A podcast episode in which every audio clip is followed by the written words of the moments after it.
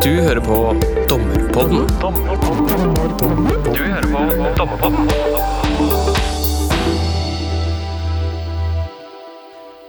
I september i fjor avga Domstolskommisjonen sin utredning i en NOU som har fått navnet Den tredje statsmakt domstolene i endring. Det er en kommisjon som har gjort en bred vurdering av hvordan domstolene bør organiseres i fremtida, og målet har vært å ivareta våre, eller samfunnets, forventninger om effektivitet og kvalitet, og ikke minst å sikre domstolenes uavhengighet i en tid der denne uavhengigheten utfordres i en del land.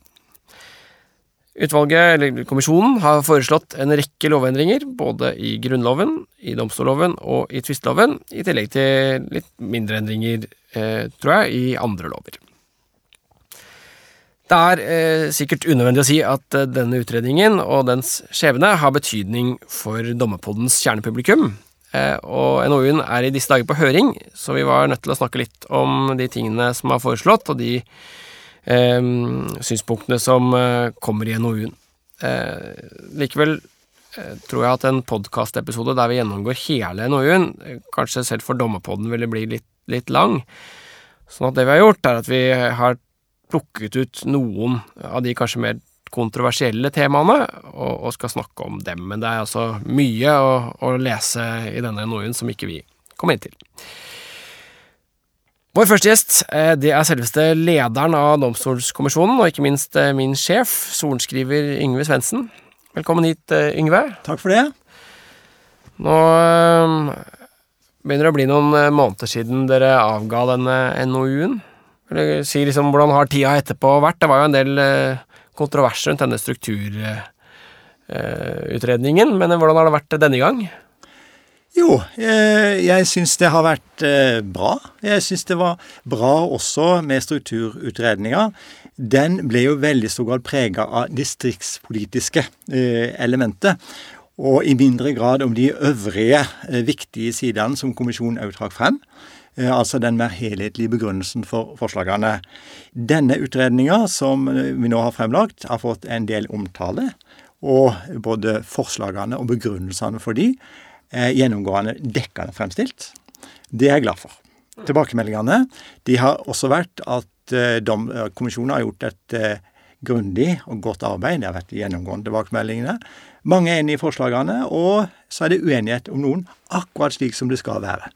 Og Det blir spennende å følge høringsuttalelsene og se hvordan politikerne følger opp. Men så Slagsmål, slagsmål, Slagsvold Vedum har ikke vært like interessert i dette, høres ut som, da? Nei, men det er jo bredden av det politiske miljøet da, får jo komme med sitt.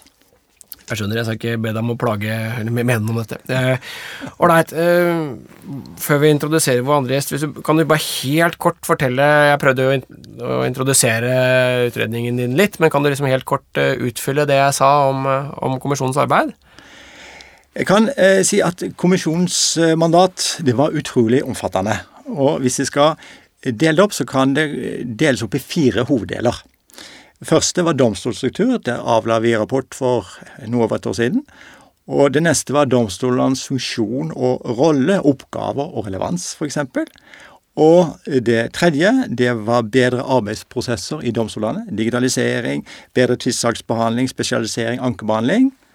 Og det fjerde, det var forvaltningen av uavhengige domstoler. Altså Domstoladministrasjonen, tilsynsutvalget, innstillingsrådet, midlertidige dommere, ledelse, saksfordeling, finansiering, grunnlovsvern osv. Jeg kan si at eh, antagelig så har det ikke tidligere vært gjort en like brei gjennomgang av domstolenes organisering og virksomhet, sånn som den vi har gjort. Også.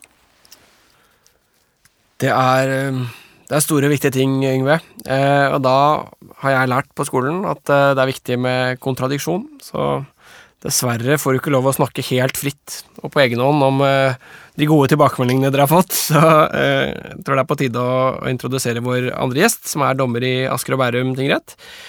Og ikke minst leder for Dommerforeningen. Velkommen hit, Kirsten Bleskestad. Tusen takk.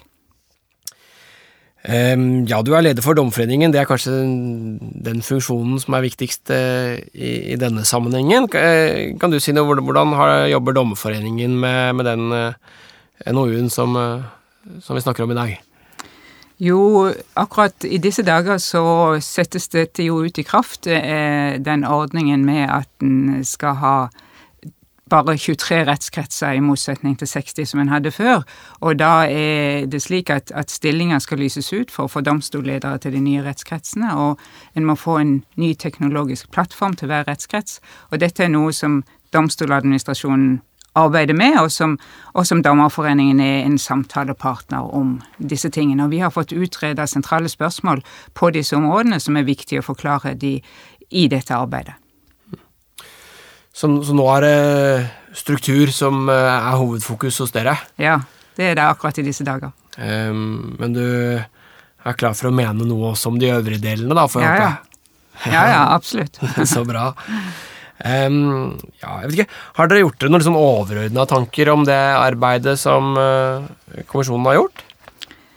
Ja, Først og fremst så vil jeg berømme kommisjonen. altså Det er imponerende arbeid med mye grundig faktum om domstolene i dag, og der det også er gjort undersøkelser og utredninger, f.eks.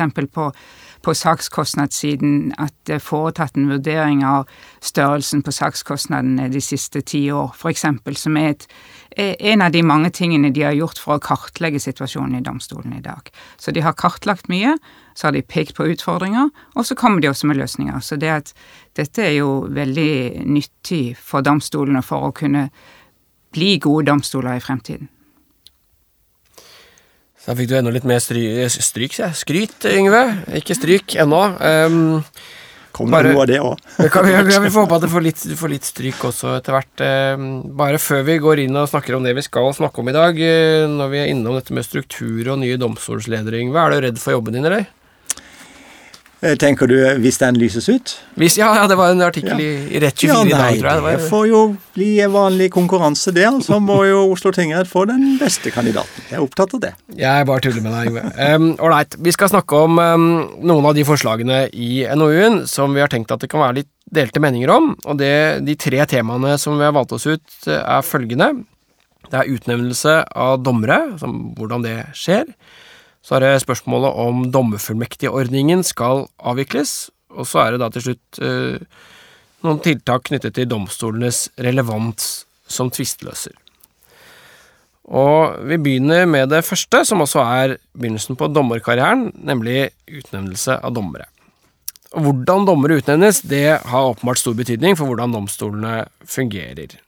For det første så er det viktig at det skjer en god vurdering av, av de som søker, sånn at vi får flinke folk i, domstolene. Det er jo ikke så annerledes enn det som gjelder i de fleste jobber, altså at arbeidsgiver ønsker seg velfungerende og ressurssterke ansatte. Men ved utnevninger av, av, dommere så er det jo et annet, mer prinsipielt hensyn som, som blir viktig, og det er at prosedyren for utnevning av dommere har betydning også for domstolenes uavhengighet. Og man trenger jo ikke å se lenger enn til USA for å se at dommerutnevninger kan bli mer eller mindre rene politiske spørsmål, eh, som er en utvikling som iallfall ikke jeg er så begeistret for, eller ikke ønsker meg her hjemme. Um, og de fleste av lytterne våre vil kanskje være kjent med det, men i dag så er det sånn at dommerne utnevnes av kongen i statsråd, eh, og det skjer etter forslag fra Justisdepartementet, som igjen bygger på en innstilling fra eh, Innstillingsrådet. Og eh, for alle praktiske formål så har det vært innstillingsrådets vurderinger som har vært førende for departementet og regjeringa. Um, og i den prosessen med innstillingsrådet så deltar i tillegg til innstillingsrådets medlemmer da, den enkelte domstolsleder som skal ha en dommer. Uh, deltar på intervjuene og kan uttale seg, men har ikke noe, noe formell rolle i selve innstillinga. Sånn at dette innstillingsrådet det er viktig eh, for eh, hvem som blir dommere, og, hvordan det er sammensatt og organisert, det får i praksis da ganske stor betydning for, eh, for hvem som får et dommerembete i Norge. Og her, Yngve, har dere foreslått noen endringer i prosessen, men sånn, hvis jeg forstår det riktig, at innstillingsrådet fortsatt skal ha en viktig rolle her. Kan du kan fortelle litt hva, hvordan dere har tenkt om dette, og hva dere har foreslått? Ja, vi foreslår å videreføre ordninga med at et innstillingsråd skal behandle søknadene til dommerstillinger og fremme en rangert innstilling, som så skal behandles av Kongen i statsråd. Ifølge en utredning som Direktoratet for forvaltning og økonomistyring, og såkalt DFØ, har foretatt for oss, fungerer innstillingsrådet i hovedsak godt. For å sikre domstolenes uavhengighet så foreslår vi at eh, regjeringa, altså den utøvende makt, ikke lenger skal kunne fritt velge et flertall av innstillingsrådets medlemmer. Regjeringen skal ikke eh, kunne velge dommermedlemmene, men det skal Domstoladministrasjonens styre gjøre, som gjorde et flertall av domstolsansatte. Vi foreslår òg at minst en av advokatene i rådet skal oppnevnes etter forslag fra Advokatforeningen. Regjeringen skal stå fritt ved oppnevnelsen av de øvrige medlemmene, og det ivaretar hensyn til demokratisk legitimitet. Bare de som, eh, altså Den sammensetninga av det rådet som dere Så skjønner jeg at det hvem som skal velge de forskjellige kategoriene av medlemmer. Der skjønner jeg at dere har foreslått nye ting, men, men foreslår eh, dere noen endring av sammensetningen av rådet? Ja, altså, Vi eh, foreslår at det skal være noen flere medlemmer enn i dag. Det skal utvides noe, bl.a. pga. den store arbeidsmengden. Og så eh, er det en dissens i, eh, i, kommisjonen når det gjelder om det skal være dommerflertall eller ikke i innstillingsrådet.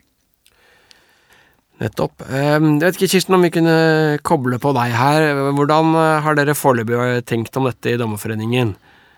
Dommerforeningen støtter mindretallet som, som, sier at her bør det være et flertall blant dommere når innstillingsrådet kommer med innstilling om hvem som skal være dommer, hvem som skal få et utlyst dommerembete. Det å ha et flertall av dommere i en slik situasjon er i tråd med internasjonale anbefalinger, og det er også noe som eh, et land blir målt på når, eh, når internasjonale organer ser hen til om, om eh, en er uavhengig, så er det kriterier for, og hvem som deltar ved dommerutnevnelse, er sentralt når eh, det foretas en vurdering av, om en er uavhengig. Mm. Bare så jeg skjønner det, jeg, nå stiller jeg kanskje dumme spørsmål her, men, men, grunnen til at dette er viktig, og, og man kan være uenig om dette, Eh, altså det, grunnen til at dette med innstillingsrådets sammensetning er viktig, det handler om uavhengighet. Er det, er liksom, er det sånn det er? Ja, det er blant annet det, ja. Ok, og, og Kanskje du, Kirsten, kan si litt om hvorfor er det viktig, hvorfor sikrer det uavhengighet at det er dommerflertall i innstillingsrådet, sånn du ser det, eller Dommerforeningen ser det? Vi mener at dommere er spesielt egnet til å ivareta dette hensynet, og, og, vi tror det at folk flest har tillit til at dommere har denne rollen, at de ikke tar utenforliggende hensyn i ansettelsesprosessen. Mm. Så jeg vet ikke om du vil kommentere det, Ingvild. Og kanskje altså Jeg oppfatter at liksom, det man forsøker å sikre seg mot her, er politisk påvirkning. Hvem er det som skal være dommere? Og det skal ikke være et politisk spørsmål. Um, hvordan har dere i flertallet tenkt om dette, og hvordan tenker dere når dere hører Kirsten? Ja, altså, Jeg kan jo si eh, ganske kort om hva flertallet har lagt eh, mye vekt på. Det var å sikre at prosessen både ivaretar domstolenes eh, uavhengighet og behov for demokratisk legitimitet. Eh, en ordning der ingen yrkesgrupper har flertall, vil eh, best balansere de hensynene etter flertallets oppfatning, samtidig som uavhengigheten blir godt sikra. Eh, det er etter flertallets mening viktig å ikke ha en rekruttering etter Laugs-prinsippet, som lett kan gi inntrykk av at dommerne driver selvrekruttering. Det vil i så fall være uheldig, og vil kunne svekke tilliten til domstolene. Og et innstillingsråd der regjeringen ikke fritt kan velge et flertall av medlemmer, og der ingen yrkesgrupper har flertall, sikrer både uavhengighet og eh, legitimitet, eh, og at dommerne ikke alene sjøl kan avgjøre hvem eh, som skal bli nye dommere, kan også i større grad ivareta hensynet til fornyelse og endringsvillighet i, eh, i domstolene. Domstolene trenger det òg. Jeg vet ikke om du vil supplere deg, Kirsten. Det er et slags uh, litt maktfordelingsprinsipp innenfor innstillingsrådet, nesten. Jeg vet ikke, hvordan, hvordan Ja, altså det er gode grunner dette, men sånn hvis en ser internasjonalt på, det, så har jeg forstått det slik at vi er alene i Norge om å tenke akkurat slik, at i Norden så, så er det et flertall blant dommere i disse situasjonene, og så i, i mange land i Europa. Det er riktig. I Norden så er det bare Norge som har den, eh, den modellen. Altså, Det som, som, jeg tenker, eh, det at styrken til innstillingsrådet det er nettopp denne kombinasjonen av personer med ulik bakgrunn og ulike perspektiver. Det sikrer et godt grunnlag for både bredde og dybde i vurderingene. Og i de aller fleste tilfellene så kommer man frem til enighet, og det er sjelden dissens. Og hvis man undersøker nærmere de tilfellene der det er dissens, så vil man se at det er ikke noe mønster i den forstand at eh, f.eks. dommerne ofte dissenterer sammen enn eh, en andre. Og eh, så tenker jeg også at en ordning der eh, ingen yrkesgrupper har flertall, i særlig grad bidrar til og inviterer til diskusjon og det å ta inn over seg innspill fra de medlemmene som har en annen bakgrunn. Og det syns jeg er bra og en styrke. Men um, nettopp du, du, har jo hatt eh, skoene på deg, nær sagt, Yngve. Du satt jo som leder av Innstillingsrådet i, i en årrekke. Og én ting er at det ikke er noe formell dissens, men det kan man jo tenke seg, vi som har domskonferanser av og til, kan jo oppleve at, eh, at om, Altså, Vi har hatt en egen episode om domskonferansen. og en problemstillingen der er at Man kan jo tenke seg en slags skjult dissens, ikke sant? hvor, hvor en, en eh, i dommerpanelet overtaler de andre. Sånn at det ser ut som det ikke er dissens, men i virkeligheten så er det noen, en gruppe f.eks., som bestemmer det. Man kunne tenke seg at det var noe sånn i, i innstillingsrådet òg, at liksom dommerne eller domstolsleder hadde mye å si, reelt sett. Jeg vet ikke om du har liksom erfaring, eller om du har undersøkt det, eller om du har noen tanker om det? Vi har ikke undersøkt det spesielt, men det du nevner der, kan jo være et nesten i enhver gruppe. Eh, min erfaring da, i Innsynsrådet var at eh, det var sammensatt av eh, gjennomgående sterke personligheter som var flinke til å argumentere, og som var ja, hadde ofte ganske klare, sterke synspunkter, men samtidig var lydhøre. Så eh, eh, jeg opplevde iallfall ikke de mekanismene du nevner, som noe, noe sånn spesiell utfordring i det arbeidet. Nettopp. Ålreit. Vi skal ikke bruke så lang tid på hvert tema, så jeg tror vi straks skal gå videre. Bare et par ting om dette med utnevning, som jeg tenkte kunne være verdt å nevne. Det ene er eh, at Yngve foreslår at domstolsleder får en mer sånn formalisert rolle i denne prosessen. Altså den som skal være sjefen til den dommeren som blir ansatt. Får en mer formalisert rolle. Hva, hva, er bakgrunnen for at dere har tenkt at det var riktig? Eh, domstollederen har jo godt kjennskap til situasjonen i domstolen, og vet også en del om hva det er spesielt behov for ved rekrutteringa. Domstollederen har personalansvar og ansvar for ressursbruk og måloppnåelse. Og eh, Som følge av det så har jo domsleder i dag en, en reell eh, og god innflytelse, tenker jeg, ved utnevning av dommere. Spørsmålet for kommisjonen var jo om vi skulle gjøre endringer i det.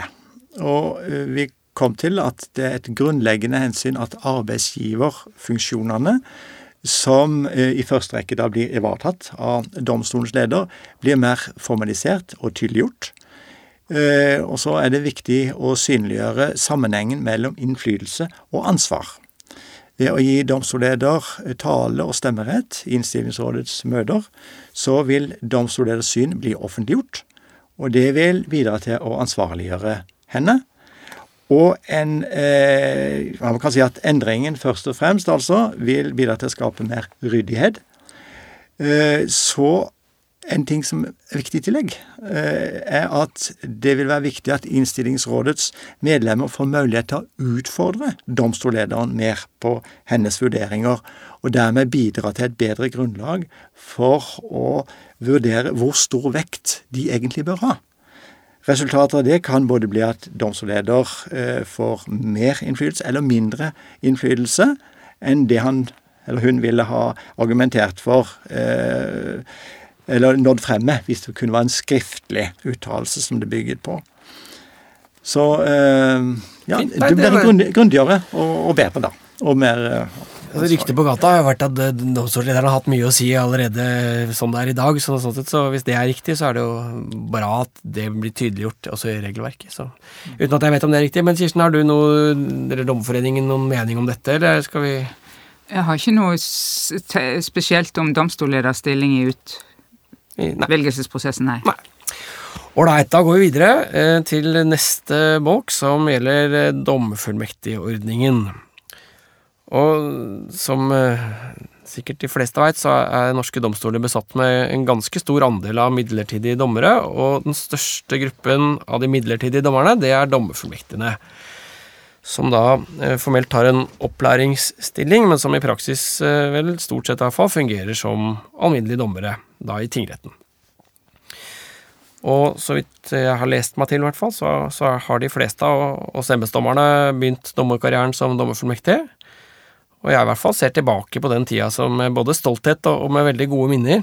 Eh, og nå som jeg er blitt eh, skal vi si, voksendommer, så, så må jeg si at eh, det å ha dommerfullmektige kollegaer gjennomgående er en berikelse både sosialt, men også faglig. Syns det er veldig, veldig fint å ha dem. Men noen åpenbare prinsipielle betenkeligheter med denne dommerfullmektigordningen.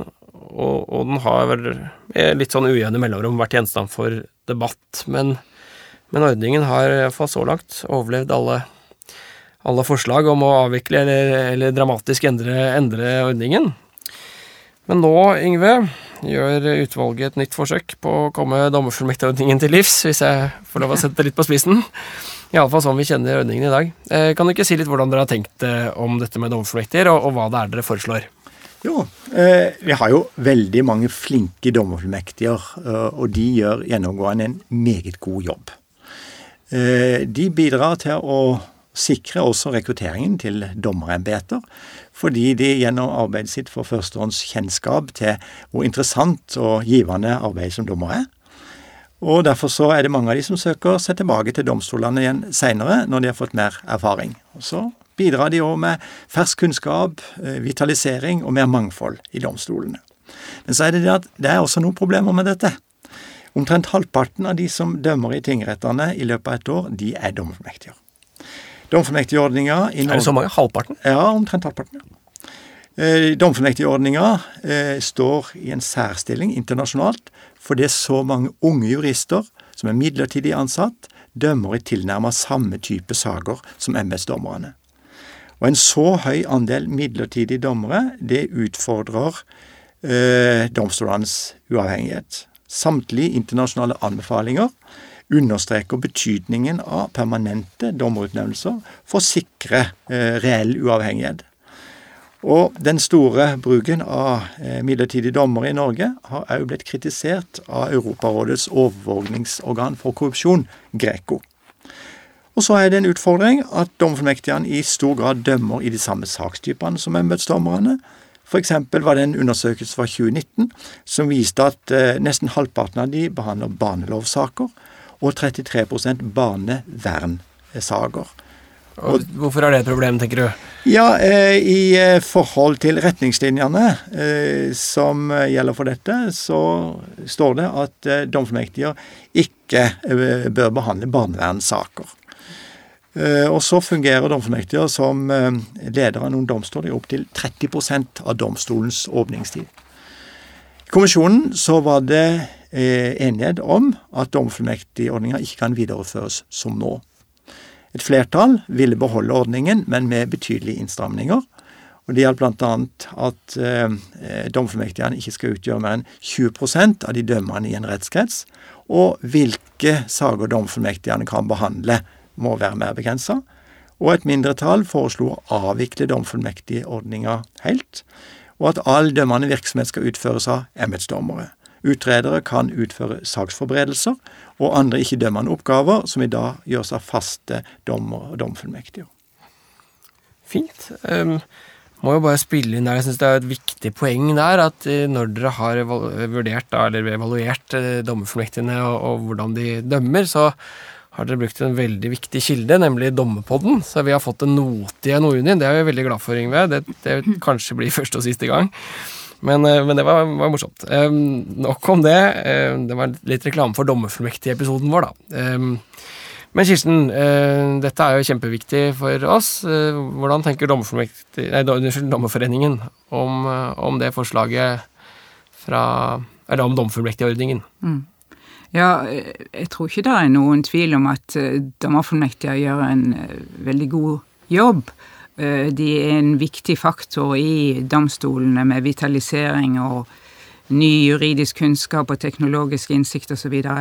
Men allikevel så er det dette som er det betenkelige, slik vi ser det, at de er midlertidige dommere. Det med midlertidige dommere er i seg selv ikke helt uproblematisk, særlig sett i et uavhengighetsperspektiv.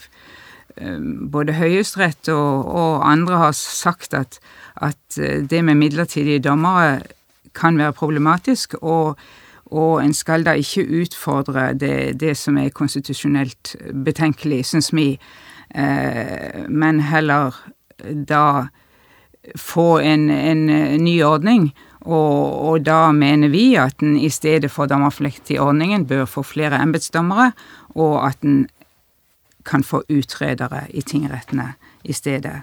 For, for Dommerforeningen mener det at den dømmende virksomheten, med alt den medfører av behov for faglig innsikt og menneskelig erfaring, at det bør overlates til embetsdommere. Som jeg skjønner deg, så, så den primære innvendingen handler ikke om at de er unge og uerfarne, men at de er midlertidige. Det er liksom det, det, som er det prinsipielle. Det er det prinsipielle, ja. ja. Det var mm. sånn jeg forsto deg også, Yngve. Mm. Og det er jo ikke vanskelig å være enig i at det er en vektig innvending, syns jeg, til dommerfullmektigordningen. Eh, samtidig så merker jeg at jeg har en slags sånn subjektivt sett en kjærlighet til, til den ordningen, men det, det, er kanskje ikke så viktig for kommisjonen. men men det som i hvert fall er et faktum, sånn jeg oppfatter det, er at det er ikke første gang dette er foreslått, å avvikle eller begrense en ordning ganske mye uten at det egentlig har skjedd noe med det. Hva er det som liksom er annerledes nå? Jeg vet ikke om noen av dere kan hjelpe meg der? Eller, og lytterne? Nei, Jeg tenker jo at domfullmektigordninga står sterkt i, i Norge. Og den har nok også en side til domstolsstruktur, med mange små domstoler. Eh, så har jo Eh, betenkelighetene med ordningen ble tydeliggjort flere ganger tidligere, bl.a. også i eh, den forrige domstolskommisjonens eh, utredning. Men, men, uten at det har ført til noen endringer av den store andelen domfornektiger. De andre betenkelighetene som, som vi også har vært inne på her nå, de har heller ikke blitt gjort noe særlig med. Men så siden den gang, iallfall siden forrige domstolskommisjonen, så har betenkelighetene kommet enda mer frem. Eh, dette som gjelder at det er betenkelig med stor grad av midlertidighet, f.eks. Også de andre betenkelighetene har kommet mer frem. Så eh, får vi se hva som ble utfallet av den politiske behandlingen denne gangen. Vi tenker jo at eh, vi har gode argumenter for at det bør gjøres, gjøres noe. Så får vi se hvordan det blir politisk, da. Ja, og, og, også her er vi litt i en særstilling i Norge ved å ha så eh, stor andel dommerfullmektige som til og med dømmer på, på mer eller mindre lik linje med embetsdommere. Det, vi er i en særstilling, sånn sett. Vi er vel helt i særstilling internasjonalt, faktisk. Ja. Eh, rett og slett. Jeg har sagt det med litt sånn stolthet i stemmen, men jeg skjønner at kanskje jeg burde gjøre det med skam. Jeg, jeg vet ikke. Eh, vi må snakke litt om konsekvensene av, av at enten flertallets eller mindretallets forslag blir en realitet. Men, men, før det så merket jeg meg at i forslaget til ny straffeprosesslov fra 2016 så var det foreslått å fjerne regelen om at uh, retten ikke kan settes med dommerfullmektig i med straff, straffesaker med strafferamme over seks år. Og hvis det blir vedtatt, så vil jo dommerfullmektigenes portefølje egentlig være enda nærmere embetsdommernes uh, portefølje. Altså de vil ligne enda mer. Og, og nesten, Man kunne liksom virke som om det er en slags uenighet der om hva slags rolle dommerfullmektigene bør ha, hvis, hvis dette eh, straffeprosesslovutvalget eh, foreslår å, å, gi dem enda mer, mer ansvar, mens eh, dere da argumenterer for det motsatte, egentlig. Så jeg vet ikke om noen av dere vil Hva er, hva er det som er årsaken her? hva ja, altså Straffeprosesslovutvalget de er jo inne på betenkelighetene ved å overlate saker med høy strafferamme til domfullmektiger, men de konkluderer med at domstolleder må ta stilling til det ut fra en vurdering av den enkelte domfullmektigens kompetanse. Eh, mens kommisjonen eh, legger til grunn at eh, domfullmektigene da eh, skal kunne behandle straffesaker av noen størrelse, men ikke eh, disse seksårssakene som en strafferamme over seks år, med, med unntak for grov kropps, eh, kroppsskade. Så det er, en, det er en noe ulik vurdering mellom straffeprosesslovutvalget og kommisjonen. Eh, for kommisjonens del så er det kanskje også et eh, moment da, at eh, f.eks. barnevernssakene som rundskriv eh, legger til grunn normalt ikke skal behandles av domfullmektiger, i ganske stor grad behandles av domfullmektiger, så man syns kanskje det er eh, mest eh, betryggende å, å, ha en litt klar grense da, på, på dette. Ja, Den erfaringen tyder jo på at den enkelte domstolleder kanskje ikke tar den, den slags sånn runde, runde, formuleringer like bokstavelig, da, som Det er vel også et poeng å ha litt likhet og trå, trå i dette. Mm. Det gir god mening for meg òg. Ålreit. Um, vi var så vidt innom struktur uh, innledningsvis. Um, og hvis nå man skal følge flertallet her, sånn at bare 20 av dommerne skal være dommerfullmektige, Eh, så vil jeg tenke meg at det kanskje kan få en betydning for de litt sånn små domstolene i dag. Altså, det er vel domstoler hvor det i dag er eh, en embetsdommer og en dommerfullmektig. Det kan vel da kanskje ikke fortsette, eller? Nei, vi har tenkt på det.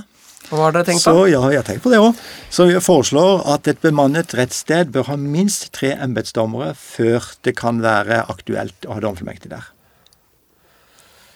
Hva syns uh, Slagsvold Vedum om det, tror du? Nei, du kan jo invitere han til neste episode av Lovpodden. ja, jeg får gjøre det. Siden du er så opptatt av han. Ja, det har vært gøy. Ja, det, det, ja da. Nei, det, han blir en slags stråmann her. Jeg vet ikke om det kanskje ikke er rettferdig. Uh, men dette bringer meg jo litt sånn over i neste undertema, om man vil, altså økonomi. hvis man skal gjøre om dommerformektige stillinger til embetsdommerstillinger, Eh, og det må man jo i hvert fall gjøre med mindretallets forslag, som Dommerforeningen støtter. Men, men, kanskje også med flertallets forslag, eh, Yngve. Så dette kommer til å koste penger, eller er det noe jeg overser her? Jeg har sett tall på at det ikke skal koste så veldig mye, i, avhengig selvfølgelig av hvordan en gjør det, men, men det er større produktivitet hos en embetsdommer enn hos en dommerfullmektig. Og en vil i tillegg eh, få utredere så eh, et, et, sted har jeg sett, men, men Yngve vet sikkert sidetallet, der det står at dette kanskje ikke koster så mye. Ja, altså, det, vi har jo beregnet det, eh, og det ligger i vedlegget til papirversjonen, da. Ja, så, eh, og eh, vi har eh, sammenlignet nå, nå, blir det litt sånn tall, altså. Det, ja. Hvis det er interessant. Ja, det er morsomt, da. Sammenlignet forslag først fra flertallet med eh, eh, lagt til grunn hvis det var dagens domstolstruktur, altså før endringen som kommer i mai, og den eh, strukturen som kommisjonen eh, foreslo i 2019. Eh, og Beregningene viser at kostnadene ved eh, flertallets forslag i dagens domstolstruktur for perioden 2026 til 2040, 15-årsperiode, vil være 645 millioner 2019 kroner. Og ved kommisjonens strukturforslag 380 2019 kroner. Og så regjeringen kommer med et litt annet forslag igjen, da. Eh, så, så jeg treffer ikke helt, i forhold til det, men dette er over en veldig lang periode. Når det er mindretallets forslag, så legger de til grunn at det ikke vil være dyrere å avvikle domfullmektigordningen enn å justere den i tråd med flertallets forslag.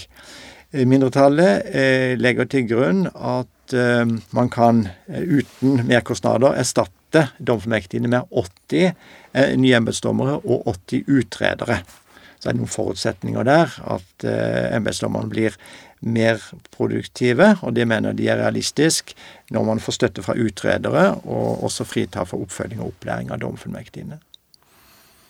Men hva skal disse utrederne gjøre da, altså, hvis dere kan hjelpe meg med det? Jeg har jo skjønt at de har det både øverste domstol og i enkelte lagmannsretter, men, eh, men uh, i en tingrettskontekst, hva skal utrederne gjøre der? Jeg vet ikke noen av dere vil si noe om det? F.eks. under saksforberedelsen. Det er jo et tema vi, vi kommer til senere.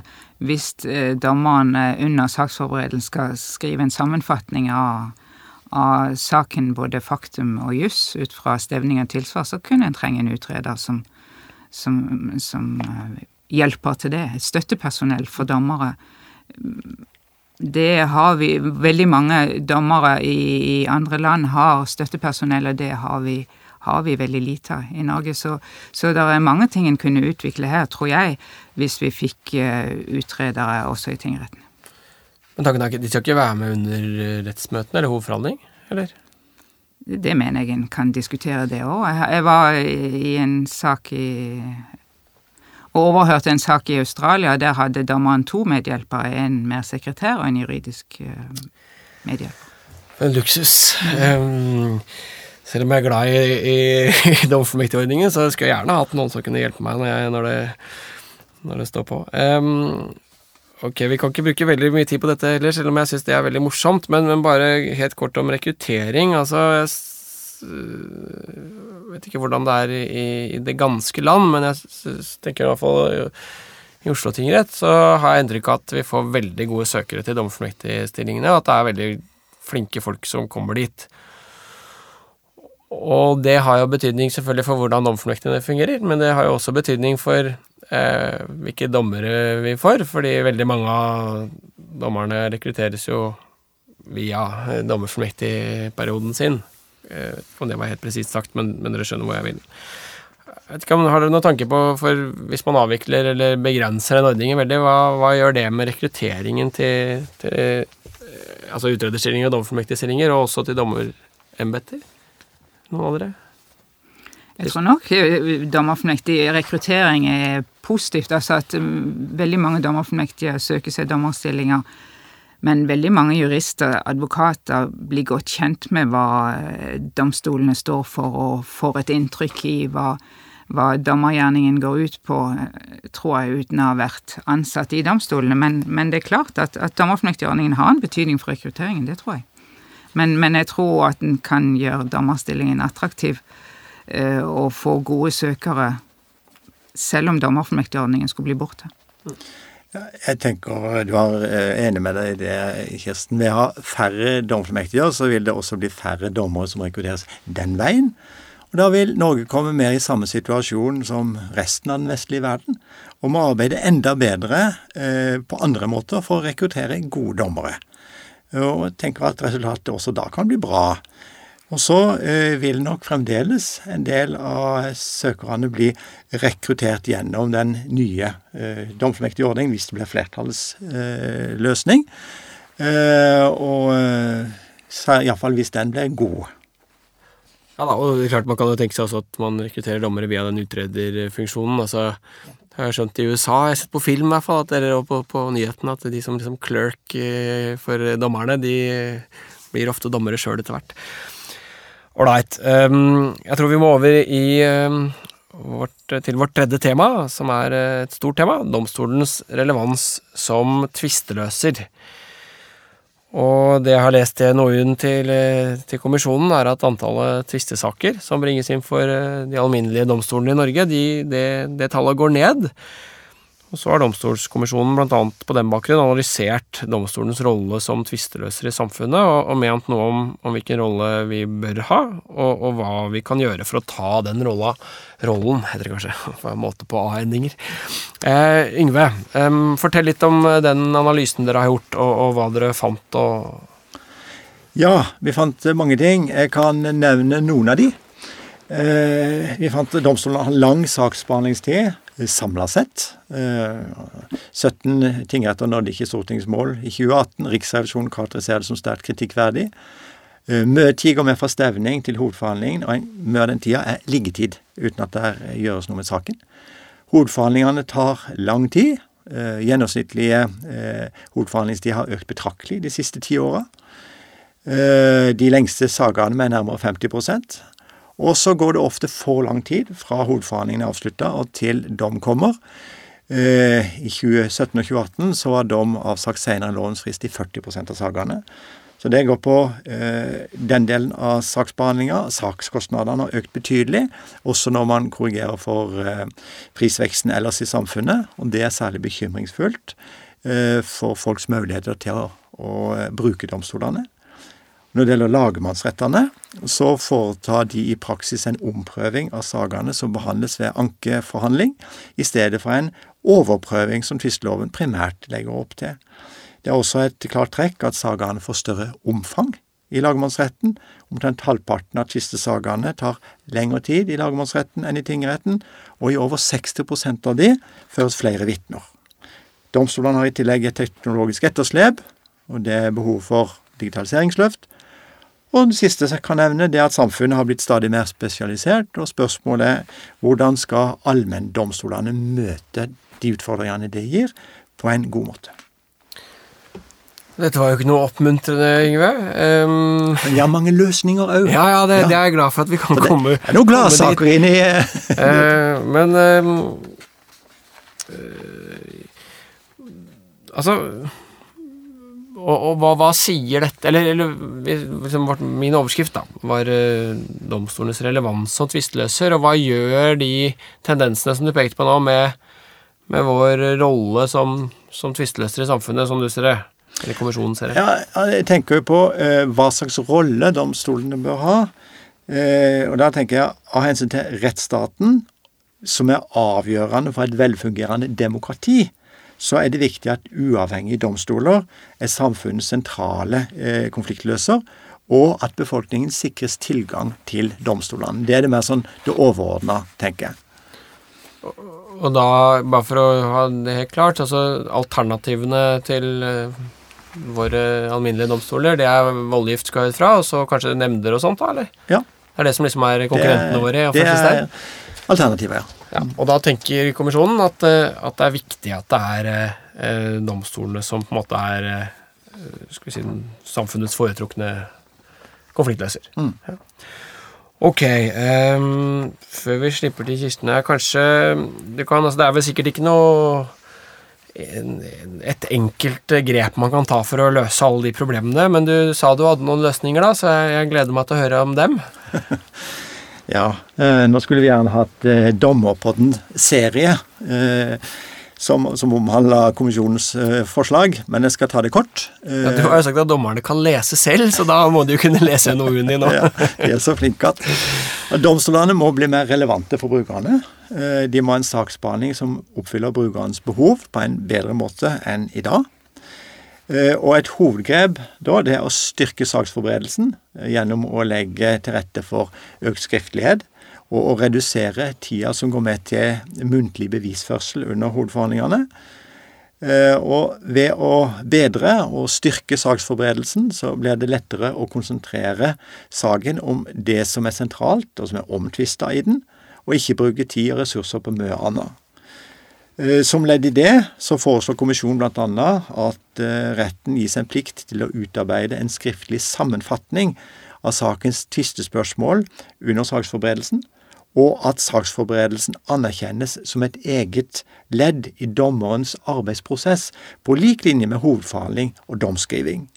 Så foreslår kommisjonen at man ikke lenger skal lese opp dokumenter under hovedforhandlingen, men kort påberope, sier de.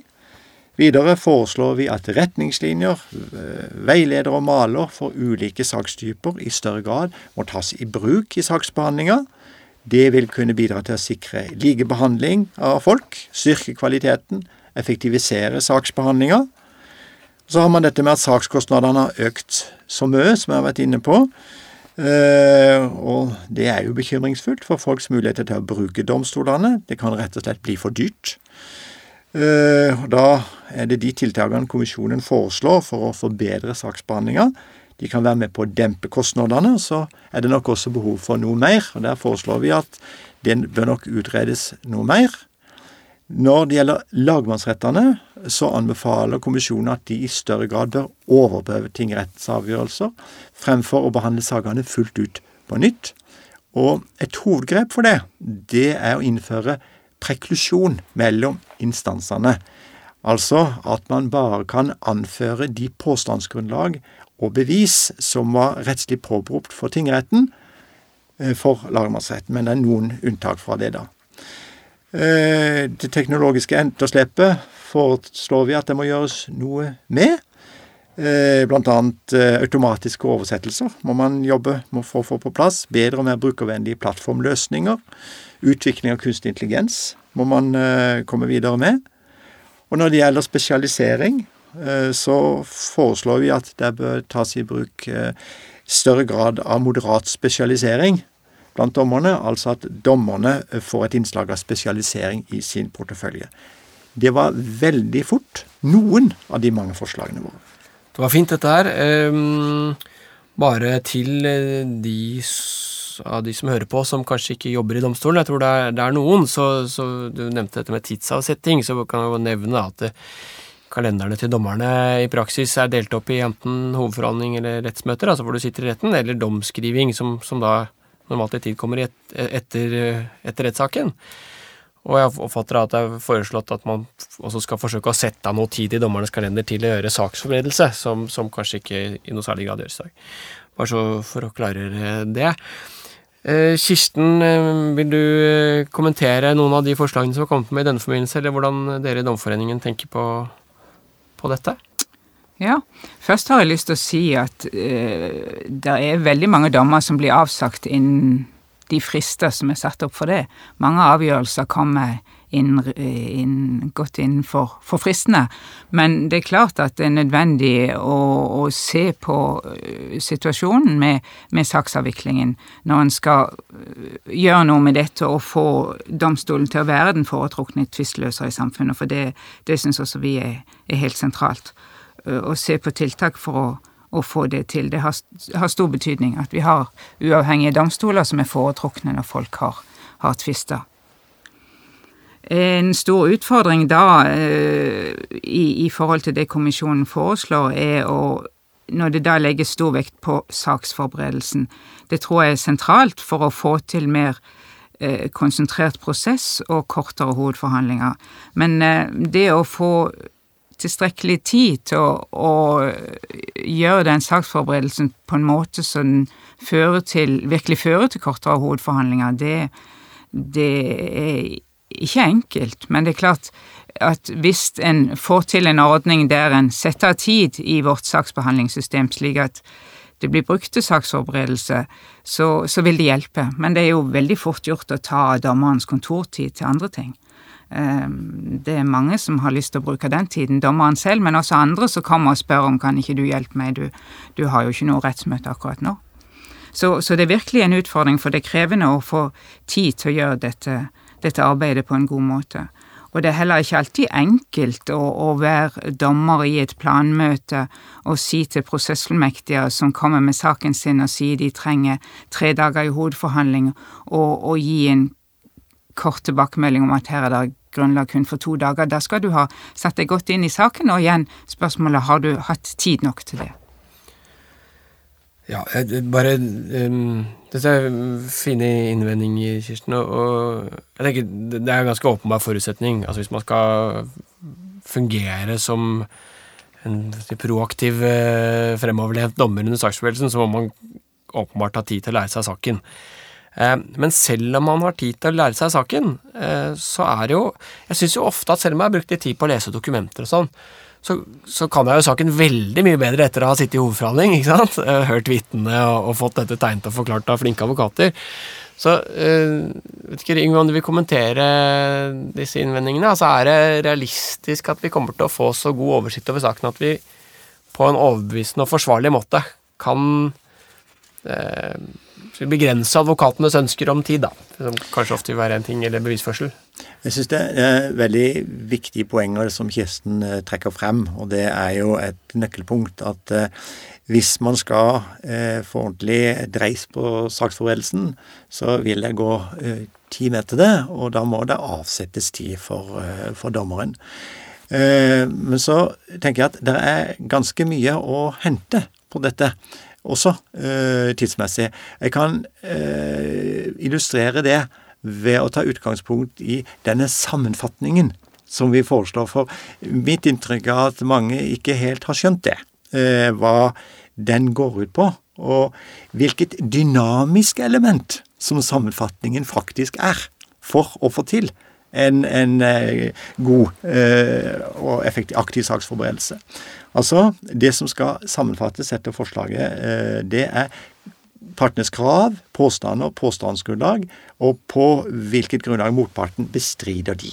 Det er liksom kjernen. Så skal lengden av sammenfatninga tilpasse saken og øvrig saksforberedelsen. Og eh, sammendraget skal som regel utarbeides i tilknytning til planmøtet. Det kan enten foreligge forut for planmøtet, eller det kan utarbeides underveis i planmøtet og så sendes eh, etterpå ut til, til partene. Men at sammendraget får en veldig sentral plass i forhold til planmøtet, gir partene en større motivasjon til å stille forberedt til planmøtet. Og sammenfatningen vil gi planmøtet en mer sentral og strukturert rolle, fordi at det går på det materielle i veldig stor grad. En konsentrasjon og tydeliggjøring da av tvilspørsmålene tidlig i prosessen Eh, vil føre til at partene i mindre grad har behov for å endre påstander, krav, påstandsgrunnlag og legge frem nye bevis kort tid før eller under hovedforhandlingen. Uh, og eh, det vil gi retten et bedre beslutningsgrunnlag, og altså føre til at ting blir avklart tidligere. også til at de sakene som ligger til rette for å bli forlikt, og de færreste sakene blir det jo avsagt dom i. At de vil eh, kunne bli avklart, at man eh, blir enige på et tidligere tidspunkt, slik at man eh, får frigjort den tida som ellers var avsatt til hovedforhandling, frigjort rettssalkapasitet og osv. Så, så må det også ses i sammenheng med det forslaget som jeg nevnte tidligere om eh, å innføre preklusjon mellom tingretten og lagmannsretten. Og det vil gjøre det enda viktigere for partene å klarlegge krav, påstander, påstandsgrunnlag og bevis tidlig i prosessen for tingretten. Fordi at uh, hvis dette ikke blir gjort ordentlig der, så risikerer man å bli fanget. Man kan ikke bare strø på det i, uh, i uh, lagmannsretten. Så er det, denne sammenfatningen den er foreløpig. og den kan justeres og kompletteres underveis. partene kan gi innspill til sammenfatningen. Og eh, kanskje i veldig omfattende saker kan det være behov for flere eh, planmøter. Og eh, så kan man se en rasjonaliseringseffekt. Sammenfatningen kan danne grunnlag for partenes sluttinnlegg, for dommerens innledning til hovedforhandlingen, samt for partenes innledningsfordrag. Den kan eh, være med å brukes som skisse for noe på dommen. Eh, når det gjelder beskrivelsen av bakgrunn, påstand og påstandsgrunnlag, samt hva som er omtvista faktisk og rettslig. Og hvis retten bruker denne sammenfatningen eh, aktivt gjennom alle ledd i saksbehandlinga, så vil det merarbeidet som utarbeidelsen av sammenfatninga innebærer, spares inn ved at retten bruker kortere tid på andre deler av saksbehandlinga, slik at den totale tidsbruken faktisk kan reduseres. Det er en del av bakgrunnen for dette, da. Det høres jo i hvert fall flott ut, så får vi håpe at det fungerer sånn. Men er også tanken at eh, Eller tenker kommisjonen at dette ikke vil medføre noe økt ressursbruk for domstolene per sak? Altså En ting er at vi klarer å At det går fortere, vi, men, men, men et annet spørsmål er om vi, den enkelte dommer, vil legge mer ressurser i hver sak? Tanken er at du får flytta en del av arbeidet Eh, fra et seint tidspunkt til et tidligere tidspunkt. Og en del saker som ble forlikt veldig seint, eh, de ble forlikt en del tidligere. Da sparer partene penger, eh, og domstolene sparer en del av de ressursene. Og så er også tanken at når man gjennom saksforberedelsen får spisset disse spørsmålene mer, at man Eh, er uenige om det og det, men ikke det og det, så kan hele behandlingen eh, også konsentreres mer. Og man kan også redusere omfanget av hovedforhandlingen gjennom det. Det vil være arbeidskrevende for en dommer å, å styre dette, så det vil være en stor endring. Og jeg vil her absolutt tro at vi vil trenge våre utredere for å, å kunne gjøre dette på en god og, og hensiktsmessig måte.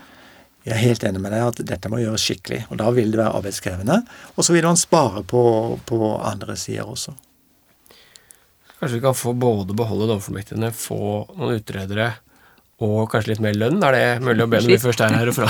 ja, når først han holder på. um, det, det, var en spøk, selvfølgelig. Uh, uh, men um, Skal vi se um,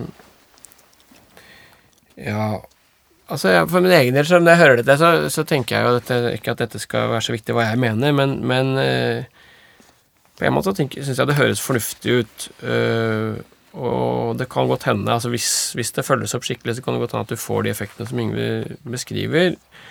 Samtidig tenker jeg på at min hverdag kommer til å være litt annerledes. Altså, en av grunnene til at jeg eh, liker å være dommer og ikke være advokat, er at jeg syns det er så slitsomt å for, Alle forberedelsene syns jeg er ganske kjedelig, og så syns jeg det er ganske artig å skrive dom. Um, mens det vi gjør nå, er jo at vår, uh, altså vårt arbeid med saken på en måte ligner mer på advokatenes fordi vi legger inn mye mer tid i forkant. Så kommer vi til å endre dommerhverdagen litt, egentlig. Uten at det er noe kanskje avgjørende argument, men uh, jeg tenker at du har rett i det, at dommerhverdagen vil bli noe annerledes. Men eh, jeg tror den vil bli mer interessant, jeg tror den vil bli mer spennende.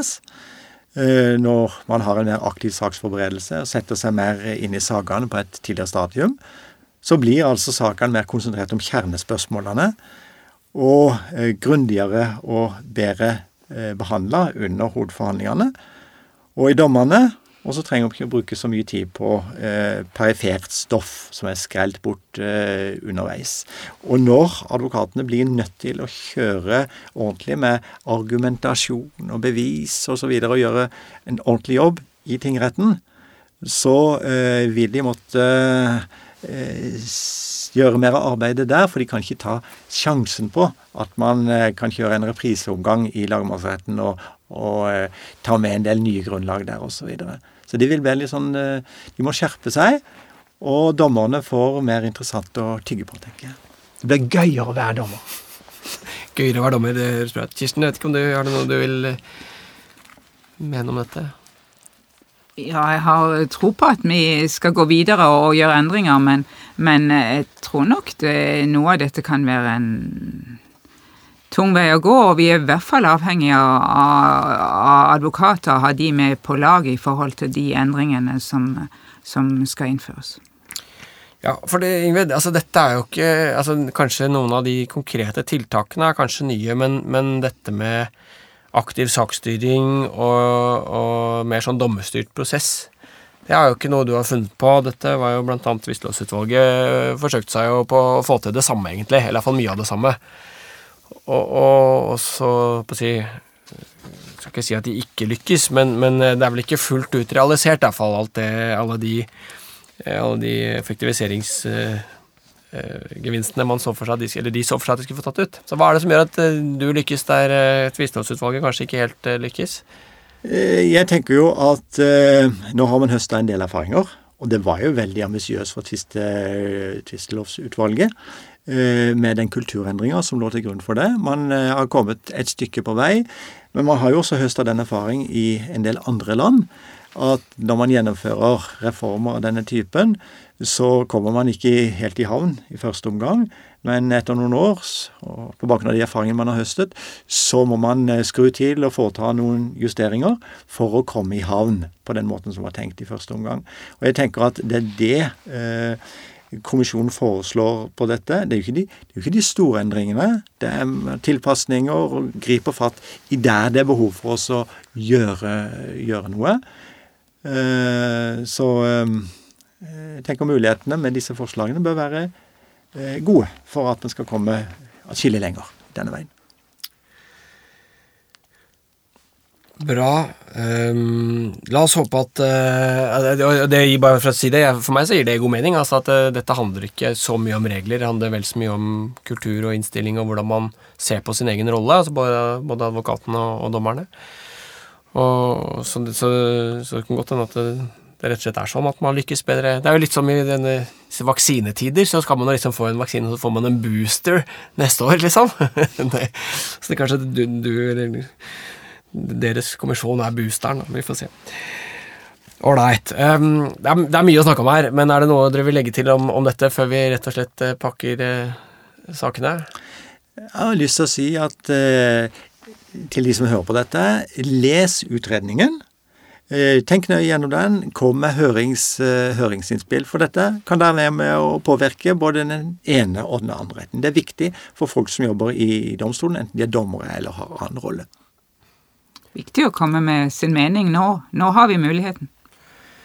Ja, altså dette, dette Utredningen reiser jo store prinsipielle spørsmål, og som også får helt umiddelbare konsekvenser for, eh, for hvordan domstolene fungerer hvis, hvis, de blir vedtatt. sånn at det, og, som vi har hørt, Det er ikke alt som er helt ukontroversielt. Det går inn å være uenig i de forslagene som kommer, og kommisjonen er også til dels uenig med seg selv. Sånn at øh, det er viktig å få en så god debatt om dette som, som mulig. Og, og i Dommerpodden da, så oppfordrer vi alle som har noe å bidra med, til å gjøre det. Og så bare minne da om at høringsfristen for, eh, for eh, utredningen er 27. april i år. Men hvis du er dommer og skal spille inn til høringen gjennom Dommerforeningen, noe jeg absolutt oppfordrer til, så må det skje innen det er 15. februar 2021, Kirsten, ikke sant? Ja, det er riktig. Ja, Mm. Og hvordan, eh, hvordan gjør man det? Inngir man sine innspill til Dommerforeningen? Ja, da har vi eh, sendt ut til alle en adresse til vår styresekretær og til eh, Kristel Heierdal i styret som eh, tar imot det. Så vi har informert om det. Ja, Så bra. Så da, men da 15. februar i hvert fall, og hvis dere ikke rekker den, så kan dere på egne vegne da inngi høringsinnspill, eh, innspill, er det det heter? Utspill? 27. april 2021. Um, Ålreit, da tror jeg bare sier tusen takk jeg, for at dere tok dere tid til å snakke med, med oss. Ja, ja. Takk. Takk skal du ha. Takk skal du ha. ja. Mitt navn er eh, Ola Berg Lande, som eh, sammen med Ragnar Lindefjell og Runa Nordahl Hereid utgjør redaksjonen i Dommepodden. Du har hørt på Dommepodden. Dommepodden er en podkast fra Norges domstoler, og er først og fremst ment som et kompetansetiltak for dommere. Hvis du har ris, ros, forslag til temaer eller folk vi kan prate med, så er vi glad for å høre fra deg, og da kan vi nås på podkast at domstol.no. Ha en god dømmende hverdag så lenge. Vi høres.